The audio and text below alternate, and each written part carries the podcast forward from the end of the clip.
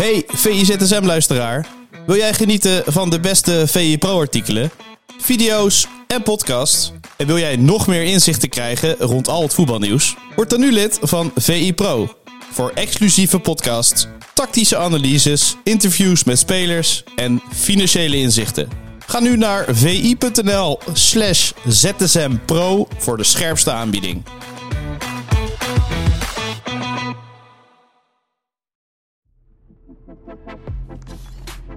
Goedemorgen en welkom bij een nieuwe aflevering van VIZSM, de dagelijkse podcast van Voetbal International, waarin we jullie meenemen in het allerlaatste nieuws. Mijn naam is Jarno Verwij en zoals iedere maandag zit ik aan tafel met hoofdredacteur Pieter Zwart. Pieter, goedemorgen. Goedemorgen.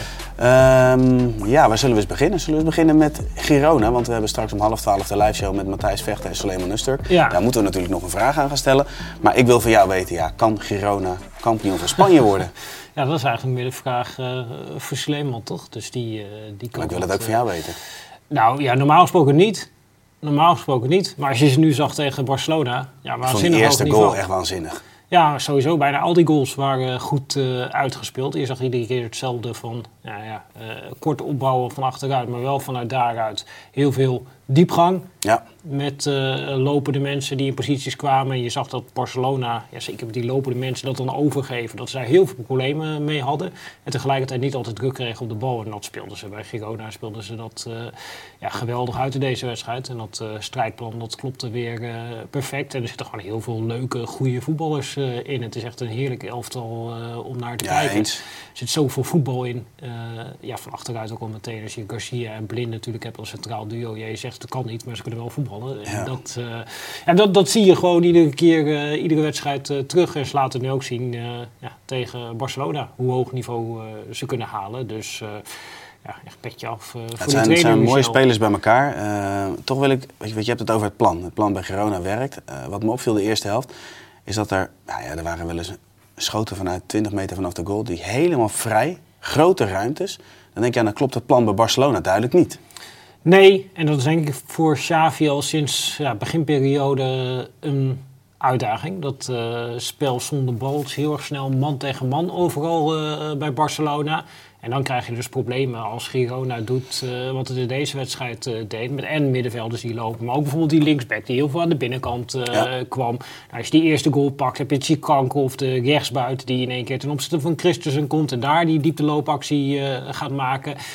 En dat overgeven, dat is bij Barcelona toch wel een eh, groot probleem. Dat is denk ik ook de reden dat ja, die spelers in één keer soms in zoveel ruimte komen. Dat iemand op een gegeven moment het laat gaan en dan is de teamgenoten nog niet. En dan word je helemaal uit elkaar eh, getrokken. En dat deed Girona gewoon heel erg goed in deze wedstrijd. Ja, Frenkie Jong reageerde er zelf ook op door te zeggen van, we waren vooral heel slordig aan de bal.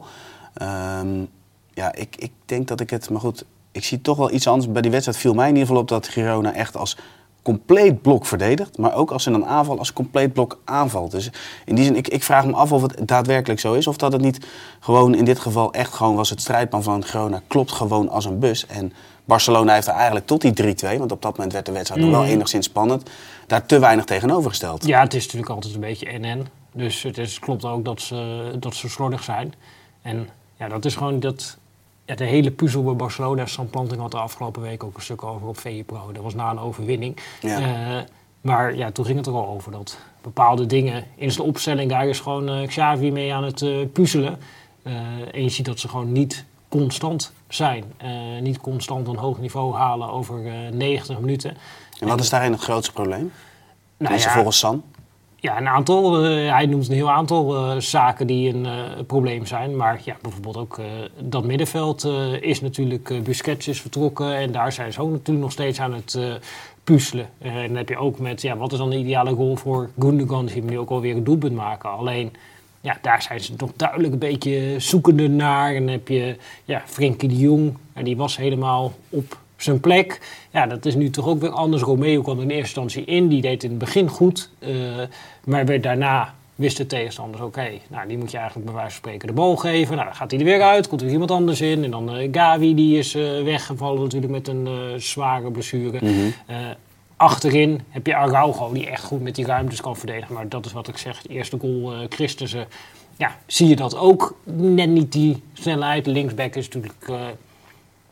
Malde, eh, jong, Eh, goed aanvallend, eh, maar ook niet de beste verdedigende back. Dat is ook helemaal niet het grootste probleem hoor voor Barcelona. Alleen, ja, het is wel, er zijn nog te veel vraagtekens ook voorin aan die zijkant. De Lewandowski die loopt terug in eh, niveau. Zie je wel echt dat dat ja, minder goed begint te worden. Die wordt natuurlijk ook gewoon logischerwijs Ja. een dagje ouder.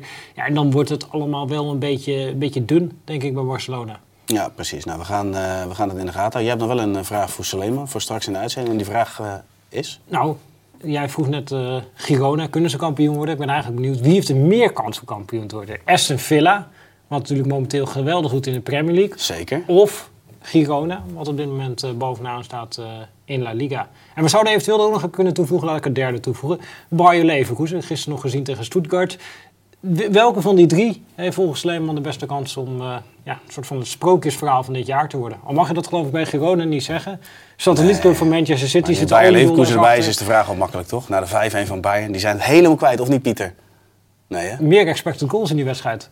Dat is waar. Dat Dus is eh waar. scorebordjournalistiek. Maar dat is weer een andere podcast, hè? Precies, precies. Nou, Pieter, wij gaan even kort naar Ajax. Want ehm, vorige week midweeks hebben PSV Feyenoord al gespeeld. Ajax mocht eh, zaterdag aantreden tegen Sparta. Er leek lange tijd niks aan de hand. Uiteindelijk is het 2-1. In de eindfase is het nog een beetje spannend. Ehm, maar goed, John van Schip, en daar gaat het eigenlijk om, staat weer vijfde. Staat weer vijfde. Ja, dat kan heel snel eh, gaan. Ik kan me nog herinneren, eh, nou, dat een paar weken geleden aan deze tafel. Toen moesten we nog reageren op uitspraken van analisten. Die zeiden dat eh, deze ploeg om degradatie ging spelen. Of ik dat ook dacht dat ze op degradatie gingen spelen. Ja. Ja, je ziet nu gewoon toch terugkomen dat eh, er zit te veel kwaliteit in deze selectie om om degradatie eh, te spelen. En tegelijkertijd moet ik het ook allemaal nog maar zien hoe stabiel het is als ze straks donderdag tegen AEK Athene spelen. Want iedereen verwacht wel, oh, thuis tegen AEK Athene. Dat laten ze wel even zien. Eh, ja, daar ben ik Grappig hoe dan zo zo'n sentiment draait. Hè? Van, oh ja, nu gaan we AEK Athene gewoon wel eventjes opzij zetten. Ja, precies. Kijk, ik heb eh AEK Athene ook zien winnen van Brighton. Eh, en Brighton kan ook voetballen. Ja, die kunnen beter voetballen dan dat Ajax kan voetballen. Dat hebben natuurlijk die twee onderlinge wedstrijden ook Zeker. gezien. Dus het is ze- zeker geen gegeven dat Ajax wel even gaat winnen van AEK Athene. En dat zie je natuurlijk ook weer terug in die tweede helft tegen Sparta. Het valt ook wel weer ontzettend ver terug. Eh, qua terwijl de niveau. eerste helft was het Terwijl de eerste echt, helft eh, echt een hoog niveau werd gehaald Ja. qua combinatievoetbal, eh veel beweging. er werd echt wel een goed niveau aangetikt. Alleen Ja. je ziet dat het binnen wedstrijden eh, en tussen wedstrijden ja, dat nog helemaal niet stabiel is. Dat zag je natuurlijk ook terug in die 4-3 nederlaag tegen Olympique Marseille. Het is defensief ook nog best wel kwetsbaar bij Ajax. Ja. aanvallend is de progressie natuurlijk niet te missen. Alleen ja, wat ik zeg, ik ben wel nieuwsgierig. eh, en dat is een beetje jammer dat eh, eigenlijk alleen donderdag voor die Nederlandse clubs nog wat op het eh, spel staat. Kijk, er staat natuurlijk ook wat op het spel. eer en geld en weet ik het allemaal niet. tegen Arsenal en Celtic. Alleen ja, de echte spanning De echte spanning is is daar weg. Het is natuurlijk wel fantastisch dat met PSV een Nederlandse club al overwint. Het is in Europa na vijf wedstrijden. Dat krankzinnig is. Helemaal als je bedenkt dat ze na drie wedstrijden in de Champions League nog geen wedstrijd gewonnen hadden. Bizar, en nu zijn ze al zeker van overwintering. Met het puntenaantal eh, wat ze hebben. Ja, dat is wel eh ja, waanzinnige prestatie natuurlijk dat ze dat voor elkaar hebben gekregen. Alleen, ja, eh, als liefhebber richting zo'n Europese week, zeker die zesde ronde, dan hoop je, ah, het gaat er echt om. En dan ga je er eh, voor zitten. En ik ga er nu alsnog voor zitten, alleen niet met die spanning erbij. Nee, geen gezonde wedstrijdspanning. Ik wil tot, nog, tot slot toch nog even terug naar Ajax. Achterstand op Twente en AZ 9 punten. Ja, kan het nog? Ja, het kan wel. Alleen eh, het is nog steeds een enorme kloof. Dus die moet hij nog wel goed zien te maken. En wat ik zeg. Kijk, er komt straks na de winterstop komt er weer een zwaarder programma aan. Ja, nu win, wint de Ajax heel veel. Ze spelen ook heel veel tegen teams uit het eh, rechte rijtje. Ja, dan moet je nog maar zien van als ze in een zwaarder programma staan of Ajax dan ook alles eh, blijft winnen. En dat is wel ongeveer wat je nodig hebt om eh, zo'n gat goed te maken. Tegelijkertijd, ja, ik zie ook eh, FC Twente voetballen tegen Excelsior. En die komen daar met 2-0 achter. En als niet die rode kaart valt, dan moet nog maar zien of ze die wedstrijd ombuigen. En ook AZ tegen Almere. Ja, die winnen maar uiteindelijk wel ruim. Maar, Ja. ja, dat na de winterstop niet- met of zonder Pavlidis? Grote vraag. Ja, en dat was ook weer niet een wedstrijd waarvan ik dacht, zo, nou die tikken een niveau aan. eh ja, volgens Pastoor zat er veel meer in, hè, voor Almere. Ja, nou, maar dat was ook Ja. zeker zo. Eh, eerste helft, eh, los van dat doelpunt, wat ook een heel mooi doelpunt was van eh, AZ. Ja, zaten ze er niet heel lekker in, in die wedstrijd. Dus ja, je hebt bij AZ en Twente toch ook, heb ik niet het gevoel van, nou die gaan in één reeks door. Alleen, steady. ja, Alleen die spelen natuurlijk ook tegen dus, uh, de Almere's en Excelsiors van deze wereld. En datzelfde zie je nu bij Ajax, daar win je heel vaak van. En ook AZ uh, en Twente winnen daar uh, heel vaak van. Maar dat is natuurlijk ook waarom negen punten goed maken. Ja, dat ga je niet zomaar doen. En Ajax gaat na de winterstop ook weer spelen tegen PSV. Dan gaan ze ook weer spelen tegen Feyenoord. Dan gaan ze ook weer spelen tegen AZ. Ja, in al die wedstrijden zijn ze iedere keer dit seizoen tekort gekomen. Nou, nu winnen ze ja, van de mindere teams in de Eredivisie. Maar goed, ja, we moeten nog allemaal zien, wat ik zei tegen AEK. Dat moet je ook nog maar zien uh, na de winterstop, hoe Ajax zich dan manifesteert. En tot nu toe is het iedere keer defensief gigantisch kwetsbaar gebleken. Dus ja, die negen punten heb je niet uh, zomaar ingelopen. Maar ja, ze staan er weer bij en ze kunnen weer... Uh, omhoog kijken. Nou, dat konden ze altijd al bij Ajax. Natuurlijk ook toen ze onderaan stonden. Konden ja, alleen maar ja, precies, omhoog kijken. Zeggen, ja. Maar ze zitten in ieder geval weer uh, in de lift. Uh, dus ja, ik denk dat uh, iedereen er blij mee is in Amsterdam. en uiteindelijk voor Nederlandse voetbal natuurlijk ook goed. We mogen natuurlijk een x-aantal tickets weggeven. Ja, nou, normaal gesproken heeft Ajax meer kansen in Europa dan Go Eagles. Ja, een club die we ook in de gaten moeten houden is Manchester United. Want daar gaat het niet goed.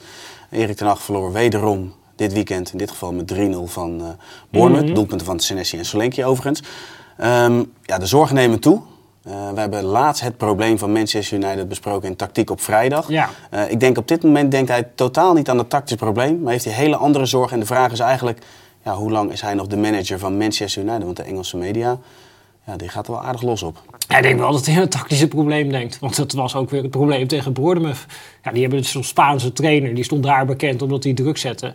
Ja, dat deed hij nu ook uh, tegen United. En dan zag je precies weer, bijna alsof hij uh, tactiek op vrijdag ook gezien had. Maar wat we vrijdag besproken hebben uh, aan deze tafel. Ja, zag je precies weer terug dat bij United dan toch de kwaliteiten ontbreken om daar onderuit te spelen. Moeten ze toch op een gegeven moment de lange bal gaan hanteren. Ja, dan hanteer je de lange bal op uh, Martial. Ja, die ga je verliezen. Ik moet ook denken aan Brighton, waarin al die clubs dus ook kopiëren wat ze tegen Brighton hebben gedaan door gewoon totaal geen druk te zetten en maar af te wachten. Dat was nu dus ook het geval.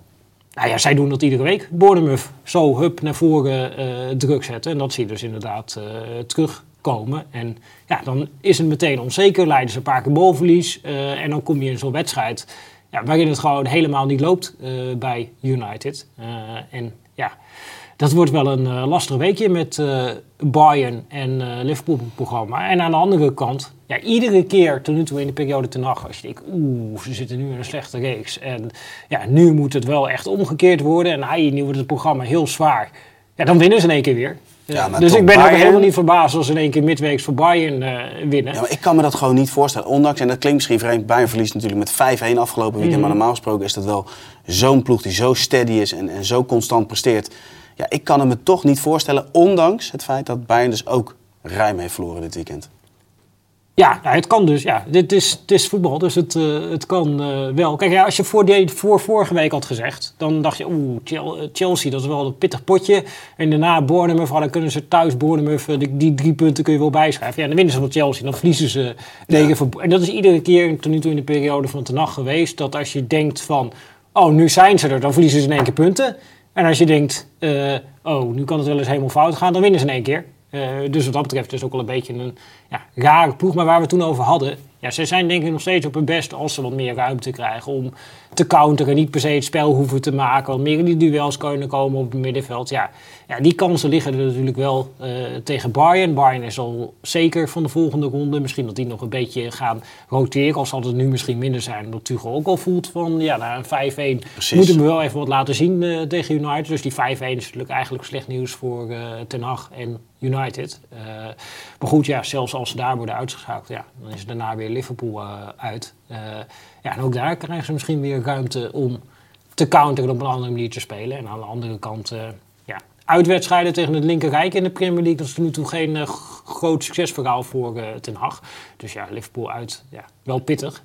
maar ja, het zijn wel twee wedstrijden. Ieder resultaat dat je pakt, dat is eigenlijk mooi meegenomen in deze fase. Absoluut. Pieter, duidelijk. dan gaan we naar het meest gelezen item. En dat was echt wel een mooi item. Dus we gaan een jaar teruggaan in de tijd en Nederland-Argentinië nog een keer herbeleven. Ja. En het is toch wel grappig, ja, de, de kop was ook wat je nog niet wist van deze, van deze wedstrijd. Kijk, voor mij is Nederland-Argentinië nog steeds de vrije trap met Koopmeiners Mhm. en, eh, en Weghorst. Dat, dat, dat is het eerste wat bij mij naar boven komt. Wat komt bij jou als eerst naar boven? Als je Nou, die wedstrijd terugkijkt. Ja, dat nou ja, dus niet als je terugkijkt. Want je hebt inderdaad in je hoofd zit van alles. Dus dat is inderdaad die vrije trap. Dat is die penalty-serie. Dat is die woede-uitbarsting van Messi. eh, ja, Ja. De, de, de juichbewegingen van Messi. Ja, dat, dat zijn allemaal de beelden. Die heb je natuurlijk ook duizend keer herhaald zien. Want die paas van Messi bij die eh, Ja, 1-0.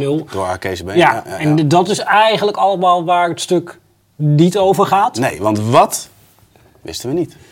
Ja, er zijn dus een aantal dingen. Dus bijvoorbeeld, kijk, het ging natuurlijk veel over die uitspraak van Van Gaal. Nou, ik heb uitgezocht van, ja, wat heeft hij nou daadwerkelijk gezegd? Waar Messi nou zo boos eh, eh, over eh, is eh, geworden. Maar ook bijvoorbeeld die vrije trap die je noemt. Eh, ja, daar ben ik op zoek gegaan naar, goh, ja, wat was nu eigenlijk ja, het plan eh, daarachter? Eh, en nou ja, dan komt er, kom je erachter van, nou ja, ze waren het eigenlijk al het hele toernooi lag deze variant er. Maar ook bijvoorbeeld die variant die was helemaal niet voor Weghorst bedoeld. Dat kwam wel uit de koker voor Weghorst, maar was eigenlijk voor Memphis bedoeld. Maar er zit ook een stukje in hoe is dat dan ontstaan op dat moment? Dat is toch de korte communicatie en Weghorst Ja. heeft dat die rol naar zich toe Ja, getrokken. en het grappige is dus dat je een minuut, ja, een paar minuten daarvoor tegen Nederland ook een vrije trap op de kant van de 16. Je schiet Berghuis uiteindelijk in de muur. Maar je ziet daar ook al Berghuis op dat moment met Gakpo aan het overleggen van ja, kunnen we hem spelen, de Weghorst variant. En toen stond Messi eigenlijk net te dicht in de buurt. Eh, en daarnaast dat Messi een paar meter verder naar de zijkant, waardoor ze in één keer wel kon doen, eh, die variant. Ja, over dat soort dingen gaat het dus niet per se inderdaad over ja, die goal, want die goal weet iedereen, maar dan gaat het meer over Ja. ja. de positie van Messi en of de, hoe de positie van Messi op dat moment bepaalt, eh, ja, wel of niet. Maar ook bijvoorbeeld eh, over eh, de scheidsrechter, La Hos. Ik Ja. hoorde daar een verhaal over, die stuurde Simon Zwartkruis door. Een interview met eh Frenkie de Jong, direct na afloop. En Frenkie de Jong is normaal gesproken altijd voor goede analyses. En nu kan hij iets zeggen over die arbiter. En ik dacht, een beetje een raar, wazig verhaal. eh, van, nou, dat dan na, eh, in de verlenging, dat hij alleen nog maar tegen Oranje floot. Dan denk je, nou, nou, we moeten maar eens eh, zien of dat echt zo is. Maar als je dan naar de statistieken gaat kijken, in 30 minuten tijd, die verlenging, was Oranje 12 keer afgefloten. En als je dan die momenten ook gaat terugkijken, ja, er zitten een paar momenten tussen. Dat, je, dat heb ik in dat stuk gezet, van je echt denkt van, nou, dat is heel raar. En Dus hij was niet zo wazig. nee, hij was niet Hij zo was wazig. wederom helder in zijn analyse. Ja, dus. en het grappige was dat hij dus ook een verklaring had waarom dat zo was. En dat was na het laatste fluitsignaal. En dat zijn toch leuke dingen om terug te kijken. En dan Ja. zie je na het laatste fluitsignaal. Dan staat eigenlijk Messi, eh, nee, Messi, de Jong die staat in de buurt bij die Ros. Ja. En ja, de Jong die loopt gewoon richting Van Gaal. Want dan kreeg hij instructies voor, nou ja, wat gaan we nu doen in die verlenging. En heel Oranje liep die kant op. En je zag, ja, Frenkie de Jong stond daar. En die coach van Argentinië, dus Scaloni, die kwam aangestormd richting die La Hos om zich bij hem te beklagen. En die La Hos werd alleen maar omringd door Argentijnen die allemaal zaten te fulmineren op hem. Eh, en volgens ja, Frenkie de Jong was dat een verklaring waarom die in die verlenging eigenlijk steeds meer in het voordeel van eh, Argentinië gingen fluiten. Maar ja, dat, dat soort details, dat is dan wel grappig om terug te zien. Ook ja, gewoon dus inderdaad een detail van, ja, oh ja, laatste fluitsignaal is geweest. Nou, toen zaten we natuurlijk allemaal nog in de hectiek van, weet je, Weg- Weghorst, die variant op dat moment. Hoe is het mogelijk? Eh, gaan we dat toch nog redden? Ja, dan let je helemaal niet op. Ja, wat doen ze eigenlijk na het laatste fluitsignaal? Ja, misschien ga je eh, iets uit de koelkast halen, eh, een verstapeling. En ja, na het laatste fluitje, het provoceren van Argentinië staat er dan bij. Ja, dat was helemaal na 120 minuten. Maar dus Ja. na 90 Oh, na minuten, 90, ja. toen stonden ze in één keer allemaal bij die Hos. Ja, dat staat hem ook helemaal niet meer bij. nee. Nou ja, en dat soort grappige dingen. Maar ook bijvoorbeeld in de verlenging. Er staan twee stukken in die, twee foto's in dat stuk. Van uitbraken van de Nederlandse elftal. Drie en vier minuten voor tijd. Ja, als je die foto's bekijkt. En ze waren bij mij helemaal weg. Maar dit is gewoon de situatie. Breekt Nederland 3 tegen 2 uit op de counter. Drie minuten voor tijd. Nou, dat kan, als dat heel vaak herhaald wordt, dan denk je, oh ja, nou, als we toen dat hadden uitgespeeld. Alleen dat is nooit meer herhaald. En dan is bij iedereen weg uit het collectieve geheugen. Dus daarom eh, ja, eh, lees dat stuk en eh fris je geheugen een beetje op. Ja, was inderdaad leuk om te lezen. Dus eh, gaan we zeker doen. Pieter, dankjewel. En jongens, jullie bedankt voor het kijken en voor het luisteren. En morgen zijn we weer terug met een nieuwe aflevering van VI ZSM. Doei!